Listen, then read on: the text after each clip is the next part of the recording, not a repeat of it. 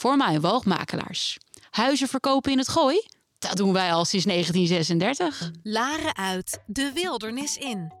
Wekelijks neemt safari-expert en geboren laarder Frank Ranzijn je mee in zijn wereld. De wereld van ongerepte safarigebieden, de Big Five en de cirkel van het leven. Eten of gegeten worden. Een wereld vol safari-geheimen die hij met jou als luisteraar ontrafelt. Van de mooiste plekken om op safari te gaan tot de regels van de bush. Samen met prominente gasten uit de natuur- en conservationwereld neemt Frank je mee, Laren uit, de wildernis in.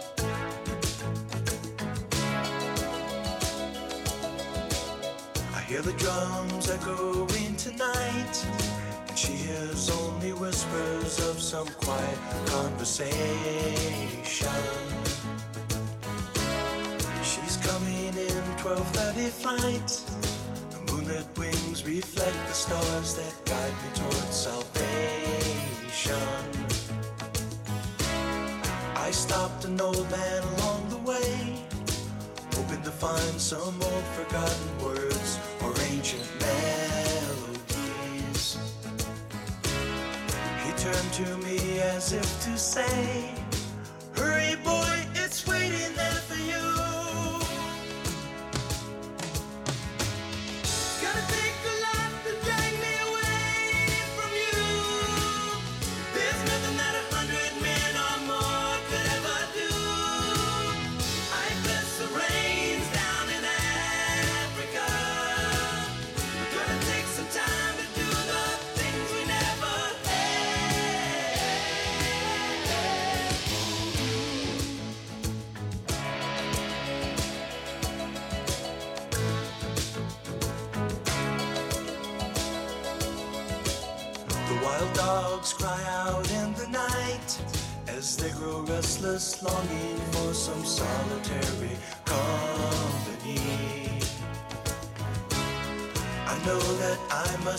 what's right, sure as Kilimanjaro rises like Olympus above the Serengeti.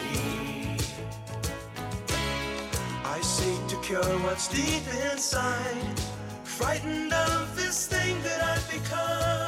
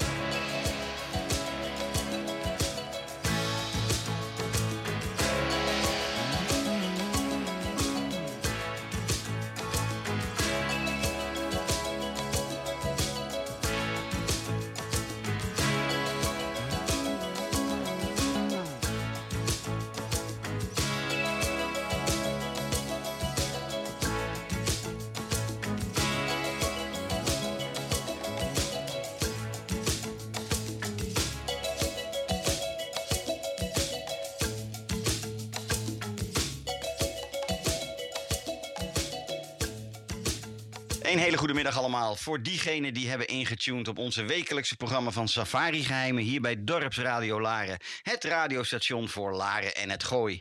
Vandaag reizen we af naar een aantal prachtige bestemmingen in Safari Afrika. Namelijk Oeganda en Rwanda. Twee ja, waanzinnige bestemmingen. En met natuurlijk eh, een grote gemene deler voor velen. Eh, dat zijn natuurlijk de primaten, de gorillas en de chimpansees. Maar er is zoveel meer in beide landen te zien en te doen.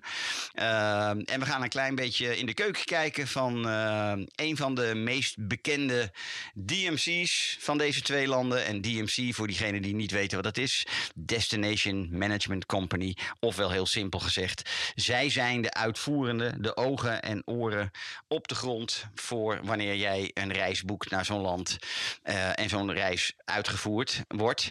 Dan wordt die door een eh, DMC uitgevoerd. En vandaag hebben wij in de studio te gast eh, owner en founder van Great Lakes Safaris, Amos Weseka. Wekesa. Wekesa, I just turned it around. Yeah. Amos, welcome. Thank you. And uh, first of all, thank you so much taking the time of being here to um, talk about those two beautiful destinations, Yeah. Rwanda and Uganda. That's what we're going to do um, today, of course. Uh, you just told me when we were having a drink that you're doing so much more, but let's focus first of all on the two beautiful safari destinations and all the other things you can do. Um, can you tell just a little? Can you give us just a little bit of a background how you ended up in this work of tourism safaris? Where did the passion for nature and wildlife coming from? Can you can you tell us about it? I think that would take a whole a whole year just trying to tell you where Please how do. it started. But not, I don't have that. Yeah, I don't have. I don't have a whole year. But yeah, um, first I was born during Idi Amin's time. For the older people, they would understand Mm-hmm. how tough Uganda was in the 70s. I was born 1973. I'm now 50 years old. Uh, but uh, I was born in extreme poverty, so my parents could not afford to take me to school. So 1983, 10 years later, I was taken up by Salvation Army, uh, where I was taken to um, uh, a children's home, you know, where kids with kids with a tough backgrounds. Yeah, That's yeah, where I was taken. Yeah. So I went to nursery school at the age of 10. We were 48 from different parts of the country at that time, about two hours away from my original village. Um, loved primary school. Secondary school, I really did very well, very bad. I actually failed for my A levels. Uh, I was supposed to have done very well. But of course, there are other factors that still play a role in my life up to date. I did a lot of sports.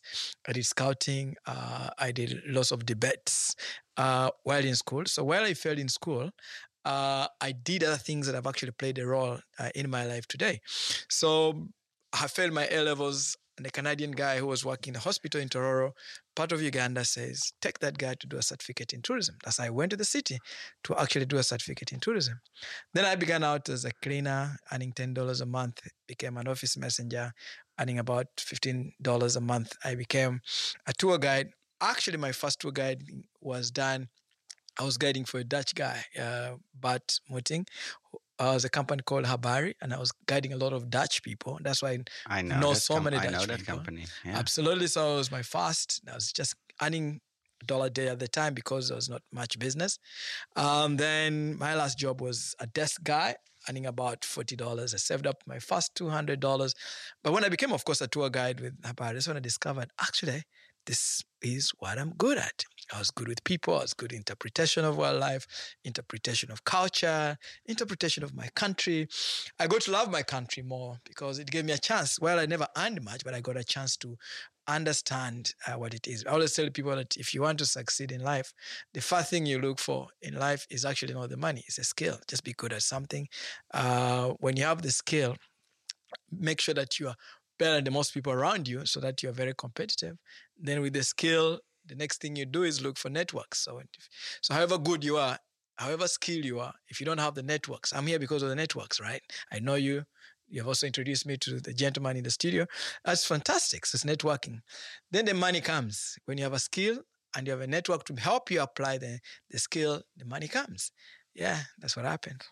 Gosh, what a story! Thank Great. You. Thank you.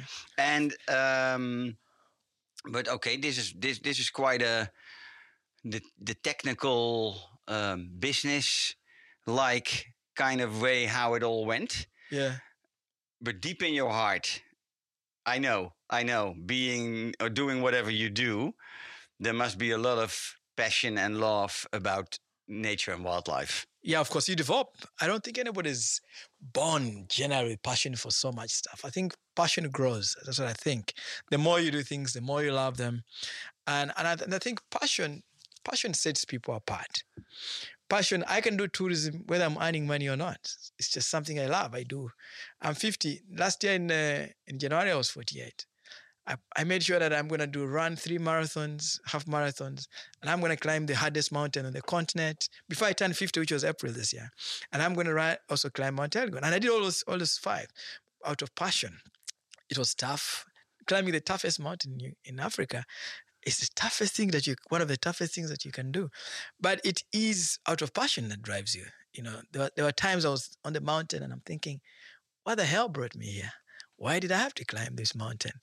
Because it was so tough. But I realized that if you don't test your brains, you don't test yourself, then everything small will bog you down. Okay. When uh, for how when did you found Great Lake Safaris? Uh, it was 23rd of January, uh, 23rd of April, 2020, 20, 2001. That's when I Okay, so it's actually there for 22 years now. Yeah, it's now 22 years, yes. And, I, Okay. and I started out with you know, $200. That's all I had between me and poverty at the time. How how did uh, can you tell us a little bit? How did you do it? How did you start it? With, okay, I'm going to start my DMC. What what, what did you do first? Well, I worked for a company called Afrique Voyage. That was my last company. And Afrique Voyage had a chance to do tourism, but they didn't like tourism. They liked ticketing. And I remember going to my boss and saying, you know, the future of ticketing is definitely not very bright because internet was coming in and people were going to start booking their tickets online. And that meant that there would be less business for uh, for, for ticketing companies. Um, and that was that was a fact. And and at that, that time, 2001, the airlines, which used to give 9% of, for every ticket, had actually gone down to 5%.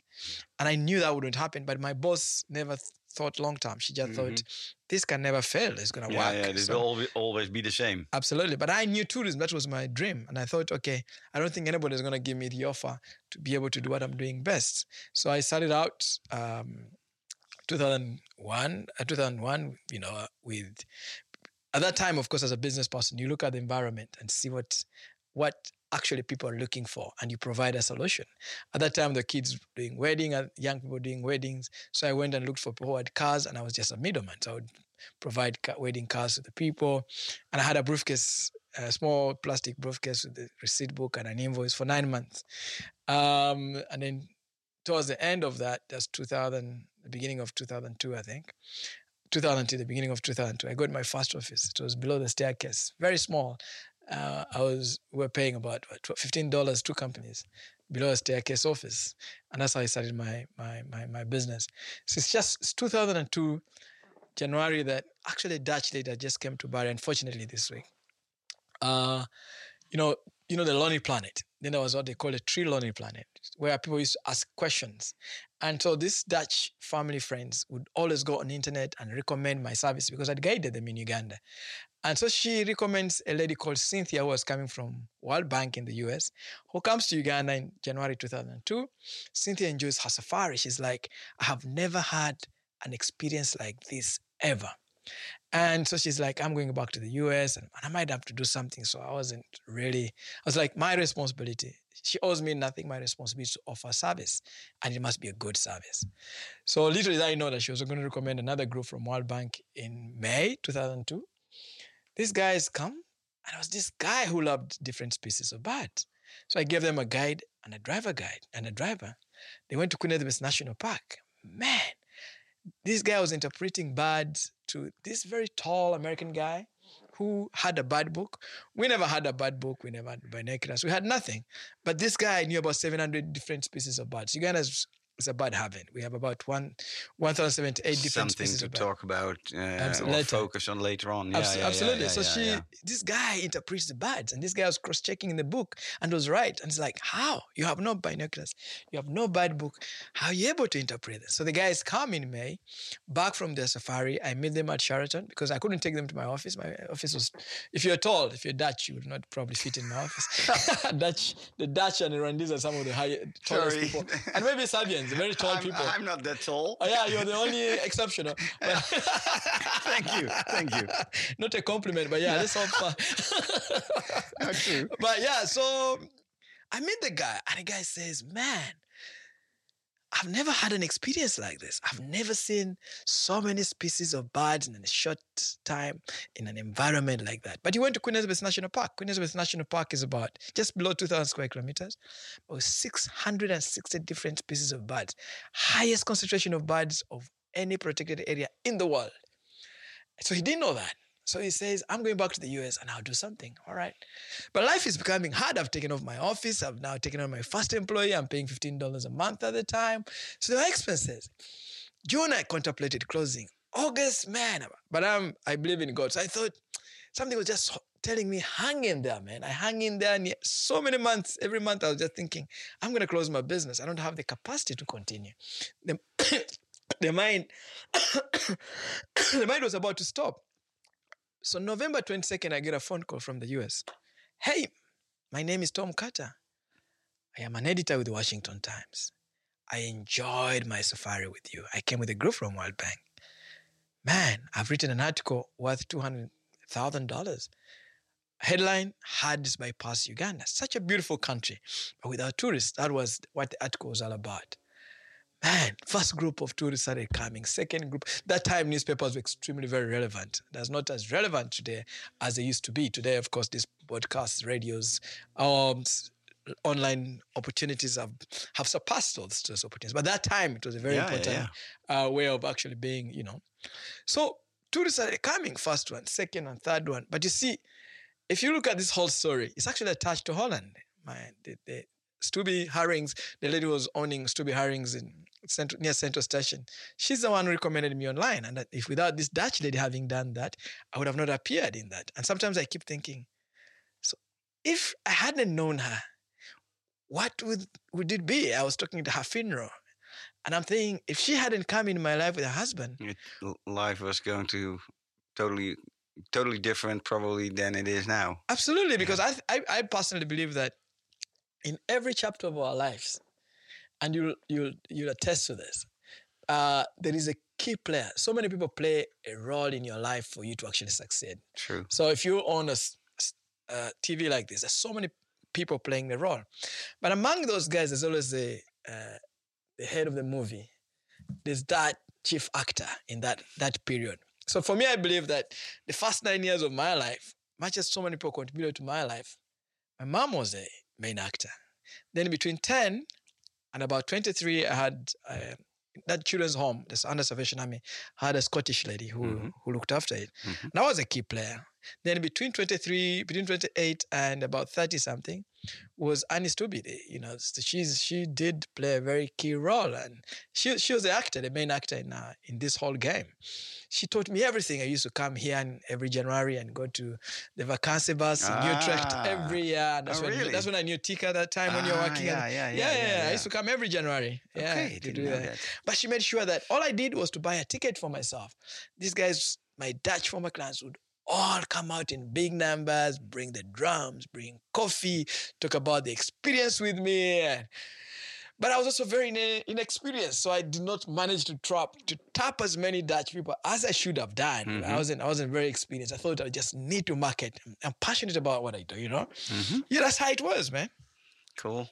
And um, it's actually quite nice to hear the story of, of the start of a company like yours, Yeah. because normally we we don't emphasize so much on that. You know, we we say okay, it is founded 20 years ago, and look where it is now. Yeah. Actually, I like it to just have a little bit of the background of how that was in the really early stages of that of that first two years. Thank you, Frank. Um, can you tell us, the listeners, um, can you explain what Great Lake Safaris is about? In the way of what makes the company Great Lake Safaris. What do you guys offer the clients I bring to you? Yeah. What what is what is the the, the main how do you say that? You How, know- how do you differentiate Great Lakes? What is I- what makes it special? I think over the years, we have built internal capacities to handle quite a lot of things. Africa, in many ways, like Frank, you may know, you already know, is sometimes very hard to navigate. I can come to Europe, hire a car, and, and, and I've done that. I've, I drive to Germany, and it's easier for me to move around. Africa is slightly different. Yeah, yeah, yeah. So you need somebody who understands the game, who understands how things are done. Should there be any problem, it should be someone who is able to call the right contact to have things done. And I'm one of those guys. I'm, I'm the guy who does that because beyond just Great Lake Safaris, I do a lot of national. A lot of national engagements with leadership, whether it's the president. I do a lot of advocacy for the tourism industry myself. And that has given me a platform to be able to mix business and, and also be able to help the, the industry Yeah. in general. But because I'm able to help the industry in general, I, it gives me a lot of platforms for contacts. So I'm able to have contacts to to to, to actually handle any situation that, that comes our way. So we've got good fleets of cars. I also know the value of tour guides. We have some of the best tour guides. I was a tour guide myself, and I understood that when tourists go to a country, it is true that they will see wildlife. It's not the thing that actually sticks in their mind first. It's always that guide. The tour guide always plays a very, very key role. They always remember the tour guide It makes before they remember the makes or wildlife. breaks your trip. Absolutely, it makes or breaks. So we've we've got that covered. Um, yeah, that, that's was it. But at the same time, the company does own lodges as well in national key major national parks, and we're building more. We are growing as as a business. We one of the top two in the country now. We've we yeah we've we've done very well. We've you know Yeah, and and uh, maybe a good point. Um, beside being um the owner and founder of Great Lake Safaris, you Yeah. also owns Uganda Lodges. yeah yeah.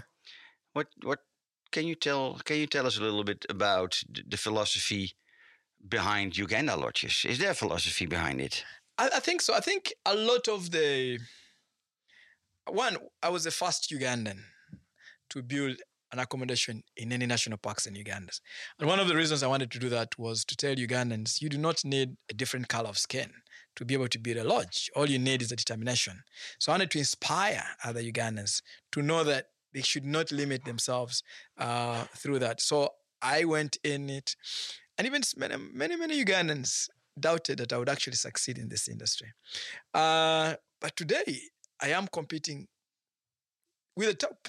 I'm not competing with an average. I'm competing with it's Asians or, or Caucasians. Yeah, because we, we, we talk about four different ones, eh? Elephant Plain, Primate Lodge, Budongo Eco Lodge, and Simba Safari Camp. yes, Right? Yes, and I'm building a fifth one starting next month. Yeah. And and then uh, you have the MV Kazinga boat cruise. Yes, sir, yes, and I've just bought an, a lodge in Tanzania as well, which I'm gonna start working on soon. Yeah. Okay. Okay. Yeah. Uh, l- l- let's focus today a little bit. Uganda, yeah, yeah, yeah. Uganda and Rwanda, because we also know time is limited. Yeah. Um, can you can you tell us a little bit about the different lodges in the different parks you own and run? Well, I think generally speaking, um, tourism in Uganda has had a lot of challenges for me over the years. Uh, during Idi Amin's time, tourism and insecurity cannot coexist. And as a matter of fact, where there was insecurity, so we had insecurity for probably 20 or 25 years as a country. Yeah. That actually killed the tourism potential in Uganda. But Uganda was the number one tourism destination in East and Central Africa until 1971. Murchison Falls National Park was the most outstanding national park on the African continent. In fact, when the Kenyans will market Masai Mara, they'll say, first go to Murchison Falls National Park, enjoy, and then come to uh, um, come come come come to Kenya. That's how it used to, to happen. Mhm. But um, cruises on Lake Victoria were massive. Lake Victoria is the world's largest tropical lake and the second freshwater lake in the world. Of course, from Lake Victoria emerges the source to the longest river in the world, the Nile. So on the Nile, you have got one, two, three best rafting opportunities in the world. Why? Because you know most rivers in the world have, have higher volumes during the rainy season and low volumes during the so it affects them. But Uganda, the difference between the highest water levels and the lowest water levels is just about a meter throughout the year. So you can raft throughout, throughout the year. Um, of course, on the Nile itself, uh, in Uganda, you still find the most powerful waterfalls in the world. It's the whole of the Nile struggling to pass through seven meters, falling 53, 43 meters deep, um, and then cascading over an area of about 120 kilometers, um, 20, 20 meters long. There is nowhere in the world you find water gushing through a canyon like you'd find in Murchison Falls, and it's called Murchison yeah, Falls it's, actually. it's striking. It is I've- striking. It's not just the largest I've falls. it's- experienced it myself also, and it's, it's It is the power. it's such a total different experience than the Victoria Falls Yes. one or Niagara Falls one. Yes. Eh, It's totally different. yes. You can't compare. but It's Yes. the, the force behind that fall. It's You never find water No, no, gushing through a canyon like that anywhere in the world. So, and then you've got potential for cruises along, you know, the Nile itself in Uganda from Murchison Falls National Park. Yeah. And it's, it's an amazing experience that you get. So we chose uh, some of the best locations. I mean, if you look at Queen Elizabeth National Park, if you look at Elephant Plains, for example, is the number one lodge in Queen. Even TripAdvisor says so. So, so that the location was specifically to give you a chance to be able to, you know, get into your game drive as early as possible, but at the same time give you vast views of the of the national park itself. And so even if you just sat at the lodge and observed through the telescope, you'd be able to see some of the wildlife from your rooms. You know, that's, that's a fantastic thing that we thought about. So besides a budget lodge called um, Simba Safari Camp, which we also own, and then along the Kazinga Channel, Queen Elizabeth National Park is has two major lakes that are connected by a channel over 40 kilometers long.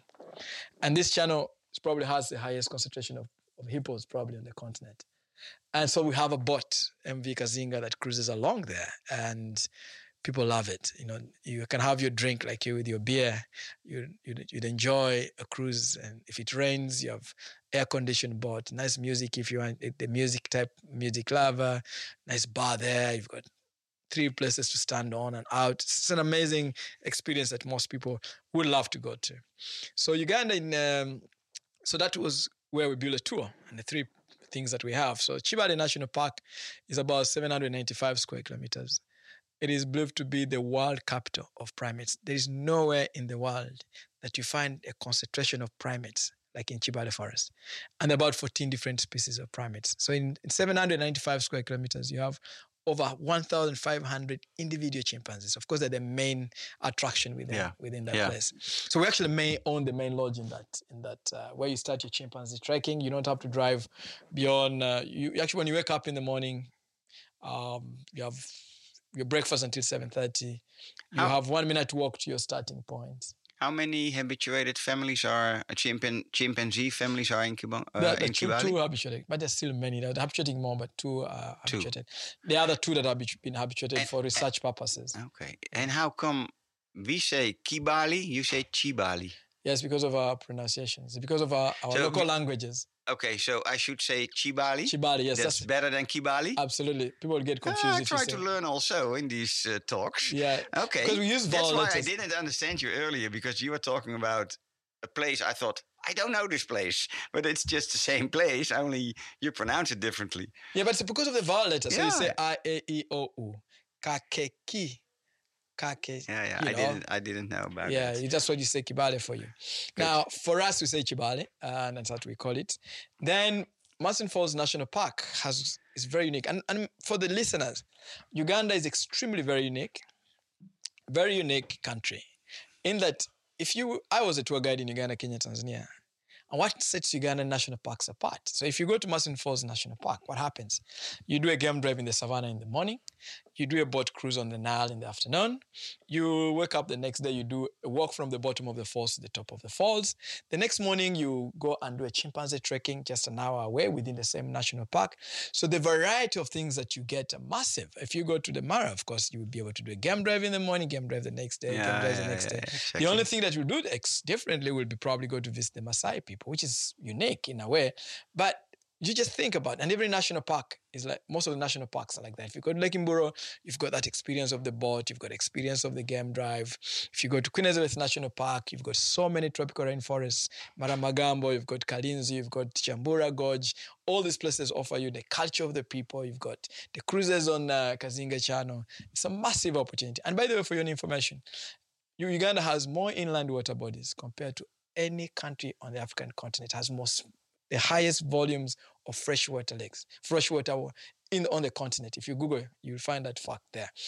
Now, the other factor that is key, and, and, and Frank, you know this very well, that the majority of the people actually travel looking for the best weather, isn't it?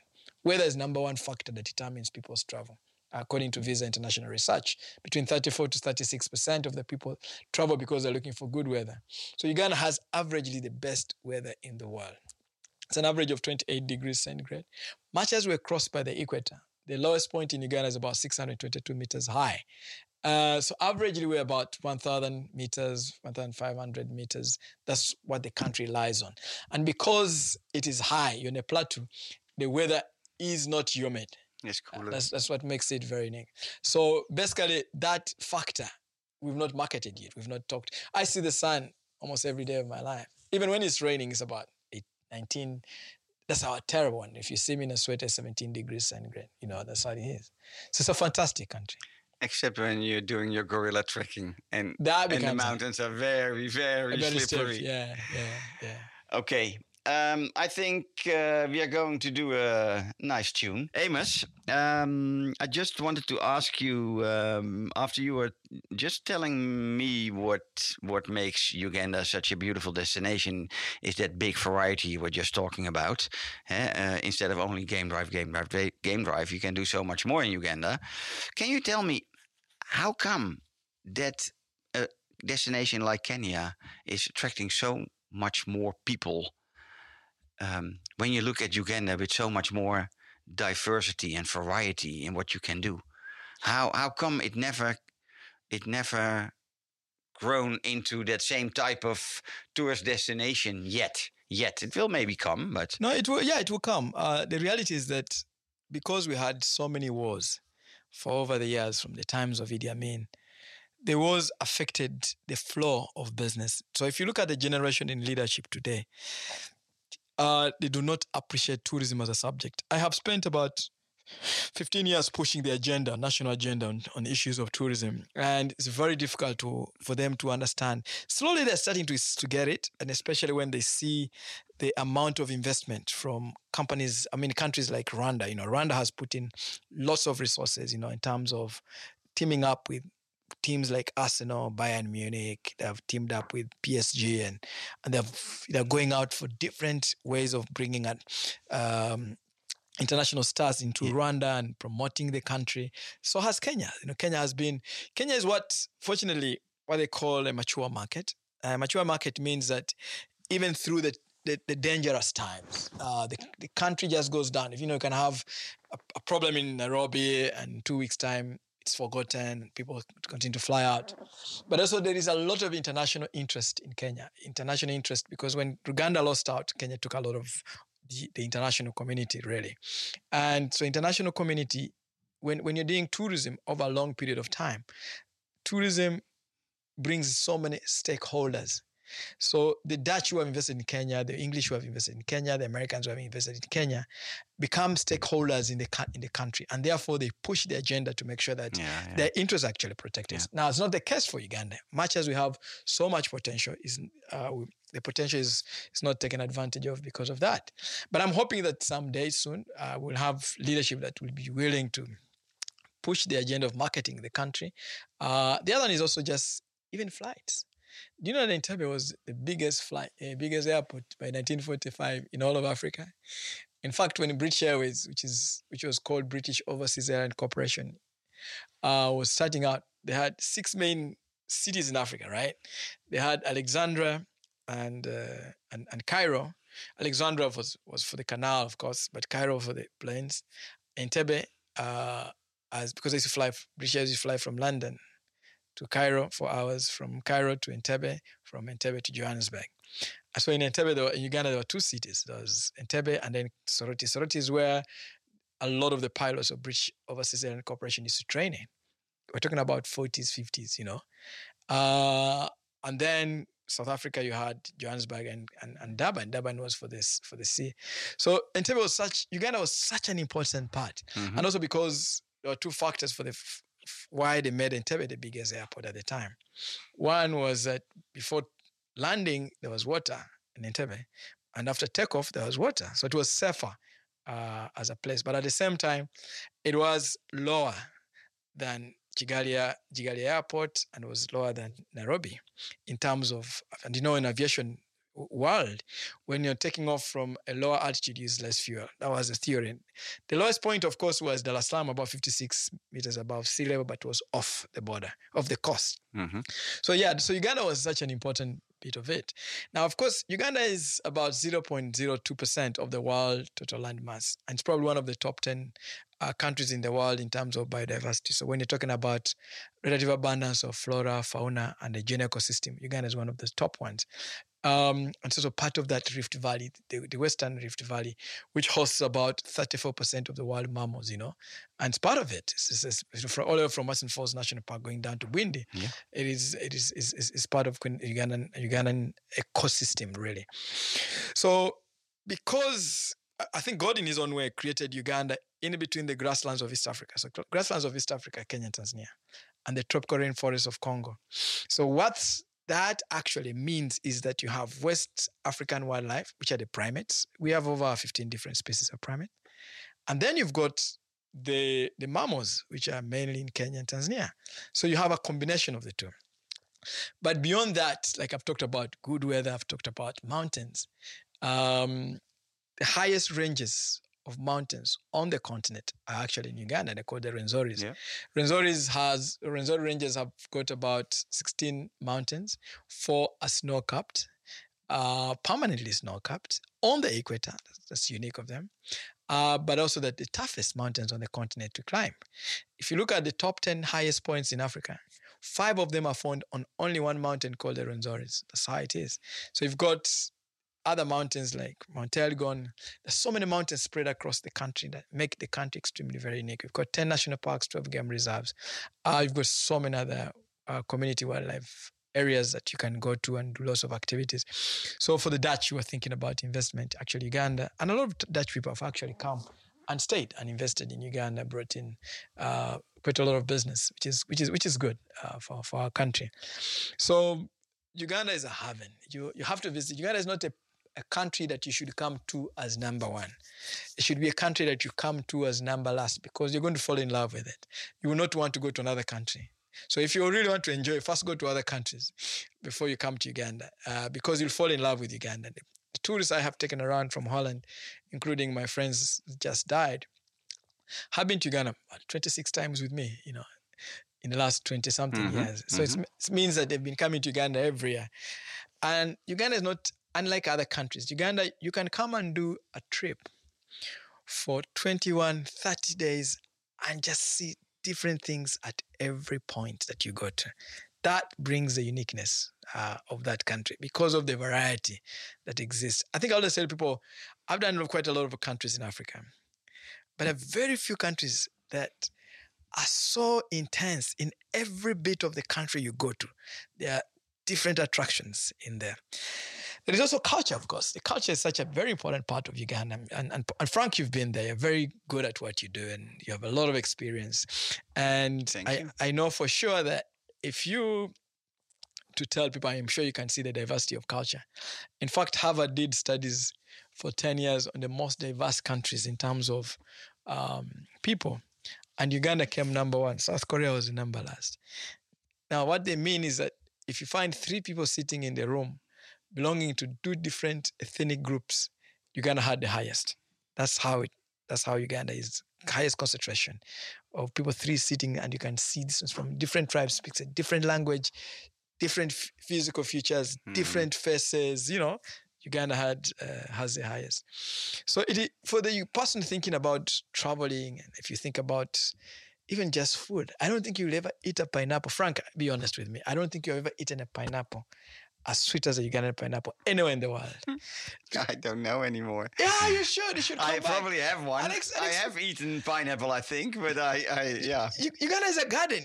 You know, Uganda is land. I, I know you have Pineapple Bay in Uganda, Absolutely, we have pineapple Bay, but which is a little bit of a kind of relaxed, beachy kind of. Is it? Is that still there? yeah, it still exists. Ah, okay. But but I'm talking about fruits because when you're on the equator, and Uganda's land is so fertile. You you've got 85% of the run of the land fertile. You don't need to Yeah, that's true. That's true. Yeah, and so if you put Uganda, Kenya, and Tanzania and Rwanda combined, Uganda has 49% of the East Africa's arable land. We have two rainy seasons. And that means it's not like you guys in Holland, you can grow for six months and six months you are out of growing. For us, you can grow food throughout the year. And I, I guess that also makes that a bit lazy as a people. But I have a very difficult question for you because you Please go you, ahead. you you really start getting very enthusiastic and passionate about Uganda, but you do operate in Rwanda also. Yes, yes, yes. Uh, I have two questions. One, are you getting a little bit jealous about how Rwanda changed the last five to 10 years? But secondly, let's start with that one first. Can you tell the listeners what are the biggest differences between traveling uh, uh, when they make that choice of yes i like to go to africa or yes i like to go to the bear uh, to, to the mountain gorillas. But i know i can do it in this country in that country and even in the congo. Um, how should people make their choi- choices? Why they should choose for uganda why they should choose to rwanda? Can you tell us? I think one thing about Rwanda is that it's Africa's shining star, and, and, and you cannot fail to be envious of what they're doing. Uh, if you look at the country that had a genocide in 1993, and if you go there and see how beautiful the streets, how clean the country is, how fast developing they are, and how they, I, I mean, even people that come to Holland from Holland would come and say, but it's probably the most beautiful country. I mean, uh, clean country we've been to. Yeah. I think it's admirable. It's also because of leadership, I think, at the end of the day. So um, Rwanda is a lot smaller than Uganda. It's probably maybe a tenth of Uganda's size. I sometimes think if they had what we had as Uganda, uh, that country would be, will move, will go places. So, but Uganda, Rwanda has got about, say, four national parks uh, right now. Of course, you've got the, the Virungas where the mountain gorillas are. Park the Virunga, you've got um, uh, Aka- Akagera National Park, which was uh, really partly degazetted after the after the genocide. You've got Nyungwe, you've got another smaller one where the Bisate is. So it is um, it is a beautiful country uh, in many ways. But also don't forget that actually you can combine uh, Uganda and Rwanda uh, and do a whole trip uh, throughout.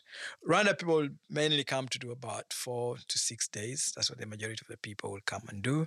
And that would be a yeah so combination it's of shorter shorter trips yeah, shorter and it's also very important i think we should mention that that because of the choices the new government made around that whole tourism um, strategy is it has a name to be very expensive also yeah, it's an Eh, expensive. so it's not for everybody let's be Yeah. honest yeah, it's not for uganda everybody. else. is so much it's it's also not cheap but it's you can you Get can mold your budget in Uganda, I think, a lot better than in Rwanda. Yeah, right. No, yeah, they've they've They they've have set out chosen so much for the totally high end yes. uh, tourism industry. Actually, if you're super rich, that's a good place. You'll also have Yeah. top end lodges, which which Uganda is now starting to seek, start to think and think about Yeah. investing in Yeah. Uganda. But if you look at the development of the high high end accommodations, Yeah. Rwanda still uh, beats Uganda by far in terms of Yeah, those. yeah, I'm so- Ugandan. I'm very passionate about my country, but it's also good to be honest about what's happening across the yeah, because it's. I mean, not everybody can pay fifteen hundred euros for their gorilla permit, uh, and then let's be honest again, because people make those choices from out of knowing these facts. In Uganda, it's seven hundred and fifty. It's just fifty percent lower yeah, than in Rwanda. yeah, That's good to know. yeah, yeah. Uh, and it's a little bit, I think, the same with uh, when you put together your whole trip. That Yeah. the choices in Uganda are wider. Yeah. So yeah, you you can get it into everybody's personal budget if you want. That is in Rwanda, I think, a lot more difficult nowadays. Yeah, but it's yeah. So this is that, but it's also connections. You know, Rwanda's flying to London now. They're flying to Belgium. Uh, they're flying to France. Yeah. Rwanda Air.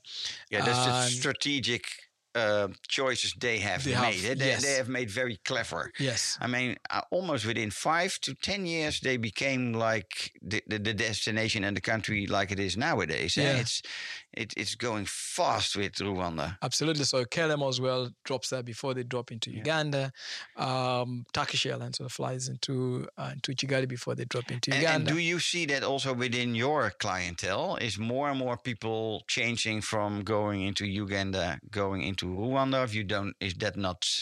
I think the high end uh, Yeah. travelers, I, They do, those eh? ones who They do who specifically want to have experience in very top end lodges. because that's Would- not you can't find no, you don't, you yeah, can't find yeah, that yeah, yeah, almost, almost, not yes. in Uganda. eh? You would struggle to have the quality that Yeah. Is equivalent to one and only one, for example. Yeah. Bisate, you struggle to have that. But I must say it's coming. It's coming to Uganda. I think Rwanda teaches you one thing. It does not matter what you have in life. It matters what you do with what you have. I think the size does not matter, I think. Uh, that's what they teach you. I think it's like Singapore. I think Rwanda is going to be the Singapore story of Africa. Yeah, and and um, I'm not trying to push into whatever direction at all. I know Rwanda is there, and it's getting a very popular destination. Yeah. So I need to I need to make sure that I fit in my clients within the right destination. Yeah. Um, and yes, of course, I do know about the high end choices they have made, and and doing a lot more heli heli transfers instead of driving. But again, let's be honest, that's not for everybody. No. Uh, that's a dream for a lot of people, but it's not for everybody. Yeah. Um,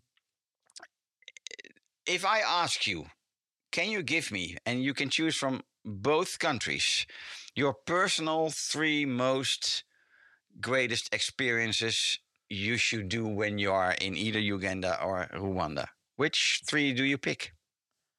Ah, And man, why? It's extremely difficult for me because my favorite national park, really, to be honest, is actually Murchison Falls National Park. You, And- and you, it's- you told me in the pre-discussion. Uh, can you tell? Can you tell us why? I think I think it's it's the variety that you get. Because in Holland, people are afraid of going to Murchison Falls because they still think same same with Kidepo. Yeah. that the whole nor- northern part of the country is ha- having kind of a bad image because of all kind of fights and political. I think I think that that's perception. We've not done a good job to tell the world that the whole country is pacified.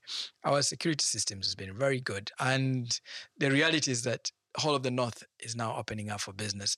We've got some Dutch guys who have invested in Murchison Falls National Park. We've got Dutch guys who have invested in accommodations in Ikidepo, and they're doing extremely well. So I think we've not just done a poor job in trying to open up. no, no, I'm not saying marketing. that, but it's the image people have. And that's what I'm saying. We have to Yeah, change the yeah, image. yeah. And, and changing the images, we have to do a good job in trying to tell the world. But that's why we have to accept that we've not done a fantastic job in trying to tell people that things have pretty much changed. So for me, I think um, uh, Murchison Falls would be number one. and Uh, why? Compare it to uh, Queen Elizabeth. Why you like Murchison better than Queen Elizabeth? I think it's a variety of things I talked about earlier in this broadcast. I said, one, you wake up in the morning, you do a game drive in the Yeah, savannah yeah, in the yeah. morning, beautiful yeah, sceneries. exactly. It's, okay, with yeah, you, you, palms, you just told with, us, yeah. elephants that come from South Sudan along the Nile and end up in Murchison Falls, the big numbers of elephants you see, buffaloes in a green environment, seeing animals in that green savanna environment is Yeah, just yeah. different. It's also Then you've got a then you've got a tropical rainforest within Murchison Falls Conservation Area, and that's Budongo.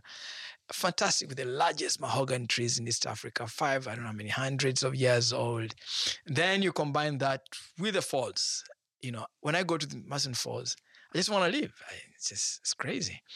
And then the other one is uh, is the Rwenzoris. Um, the last time I did the Rwenzoris uh, was in June last year. I actually came off the mountain on 23rd of June. Uh, I lost seven kilograms in seven days. Of course, there is no explanation that can pre- prepare you for the challenge that you go through while climbing that mountain. But at the same time, there are no words that can describe the beauty of the Rwenzoris. There are no words. It's probably one of the top five most beautiful mountains in the world. That's for sure. If I show people pictures of Uganda, just post it on my Twitter page for those who can go and look for those pictures of them of of of of, of the Rwenzoris. Even Ugandans themselves argue with me that it's not Uganda. That's how good that is. Um, of course, then I will combine that uh, with either trekking gorillas in either Virunga in Park in in, in Tanzania. I mean in in Rwanda, or I would go to uh, uh, Chipwindi and one of the Mgahingas as well. Go for those three experiences.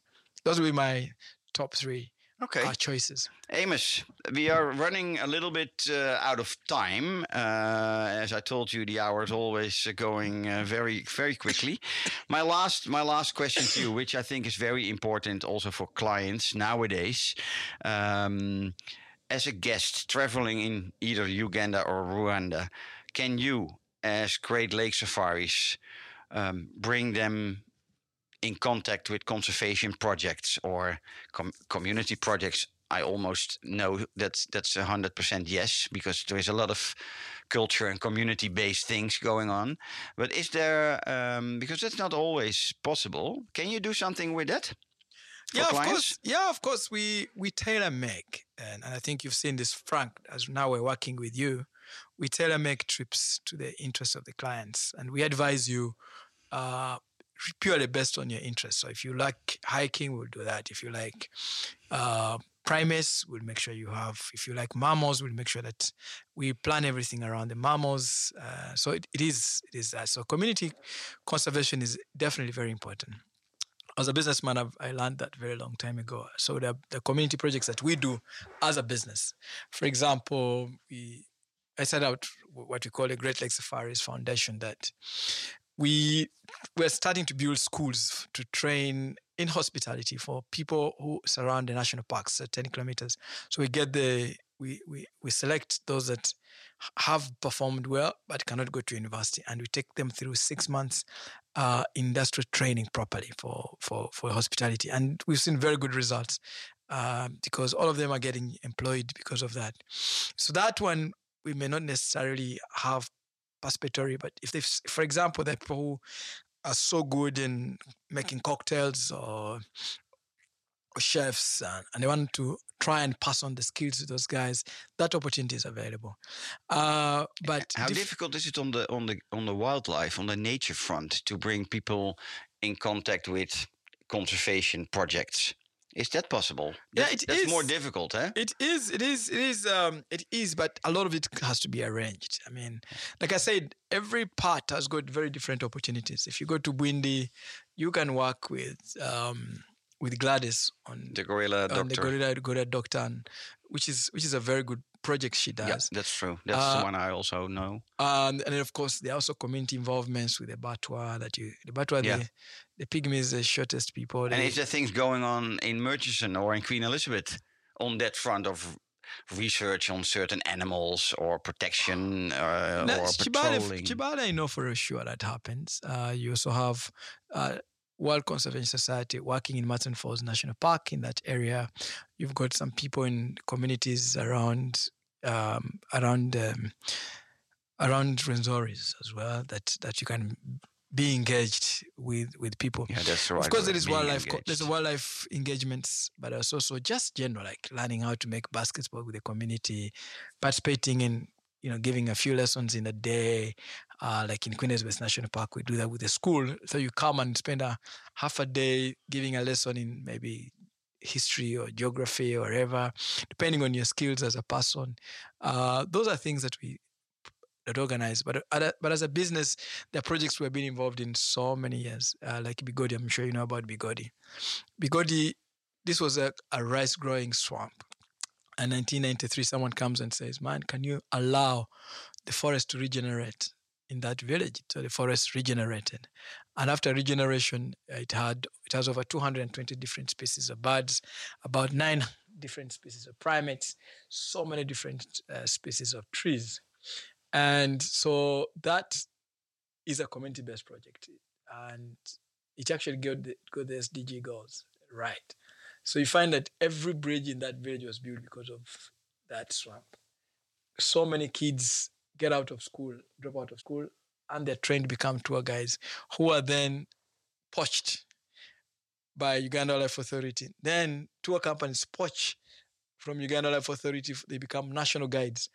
And you can see the value of that place. So the first primary school in that whole village called Bigodi was built out of the money that tourists pay in that swamp yeah yeah yeah the now the only clinic in the that serves the whole county is actually looked after through that. The first secondary school in that community is from the money collected from that community. And as a business, we have made sure every tourist of ours that goes to Kibale National Park actually goes to Bigodi such that the community actually continues to maintain these things. And I think for me, it's one of the most uh, incredible stories that we can talk about. Great, thank you. Is there anything, anything you really want to put on the table which we didn't touch, and you say, "I need to tell you this. We need to know this as a client coming to Uganda or Rwanda," or are we all set and done? Well, I think I would say the uh, limited products. Limited products are mainly the primates, the chimpanzees. So if you look at gorillas, you only have 23 families in Uganda that are trackable. And that means only eight people per family. Yeah. And so in a high season, don't just think that you can wake up and buy a, a, a gorilla permit for June, July, August, and just come to Uganda. No. So you have to do prior uh, appointments with Yeah. Frank, who is our contact in the UK, in in in, uh, in the Netherlands here, and Frank. We organize a year in advance by the gorilla permits or by the chimpanzee permits, uh, so you don't lose out or miss out. Yeah. The other one is uh, basic things like yellow fever things, which Frank you can advise uh, many of the the travelers. Um, a lot of interest is that people you buy your visa online. Uh, Go- the going back to primates, do you need for Uganda still COVID vaccination proof? No, no, no. Uh, Rwanda does, I think, eh? Or they do the, the, the PCR test, I think, still in Rwanda. Isn't that right? Uh, no, I think they've. It's gone? Yeah. okay. gone. Yellow fever, In yes. It's, no one's gonna check it, but Yeah, okay. should they check that? They will- just. yeah, uh, that, that's the practicalities. yeah, Yeah. it's a okay. practical, yeah, yeah, Good. Maya, thank you so much for your time, for our talk. Yeah. And um, now we will we will uh, talk to each other later on. But uh, thanks for today. Have safe travels home because you're flying back home to Uganda tomorrow morning. Oh yeah. So um, thank you for today and have a nice evening. Thank you, thank you, Frank, and thank you, my host.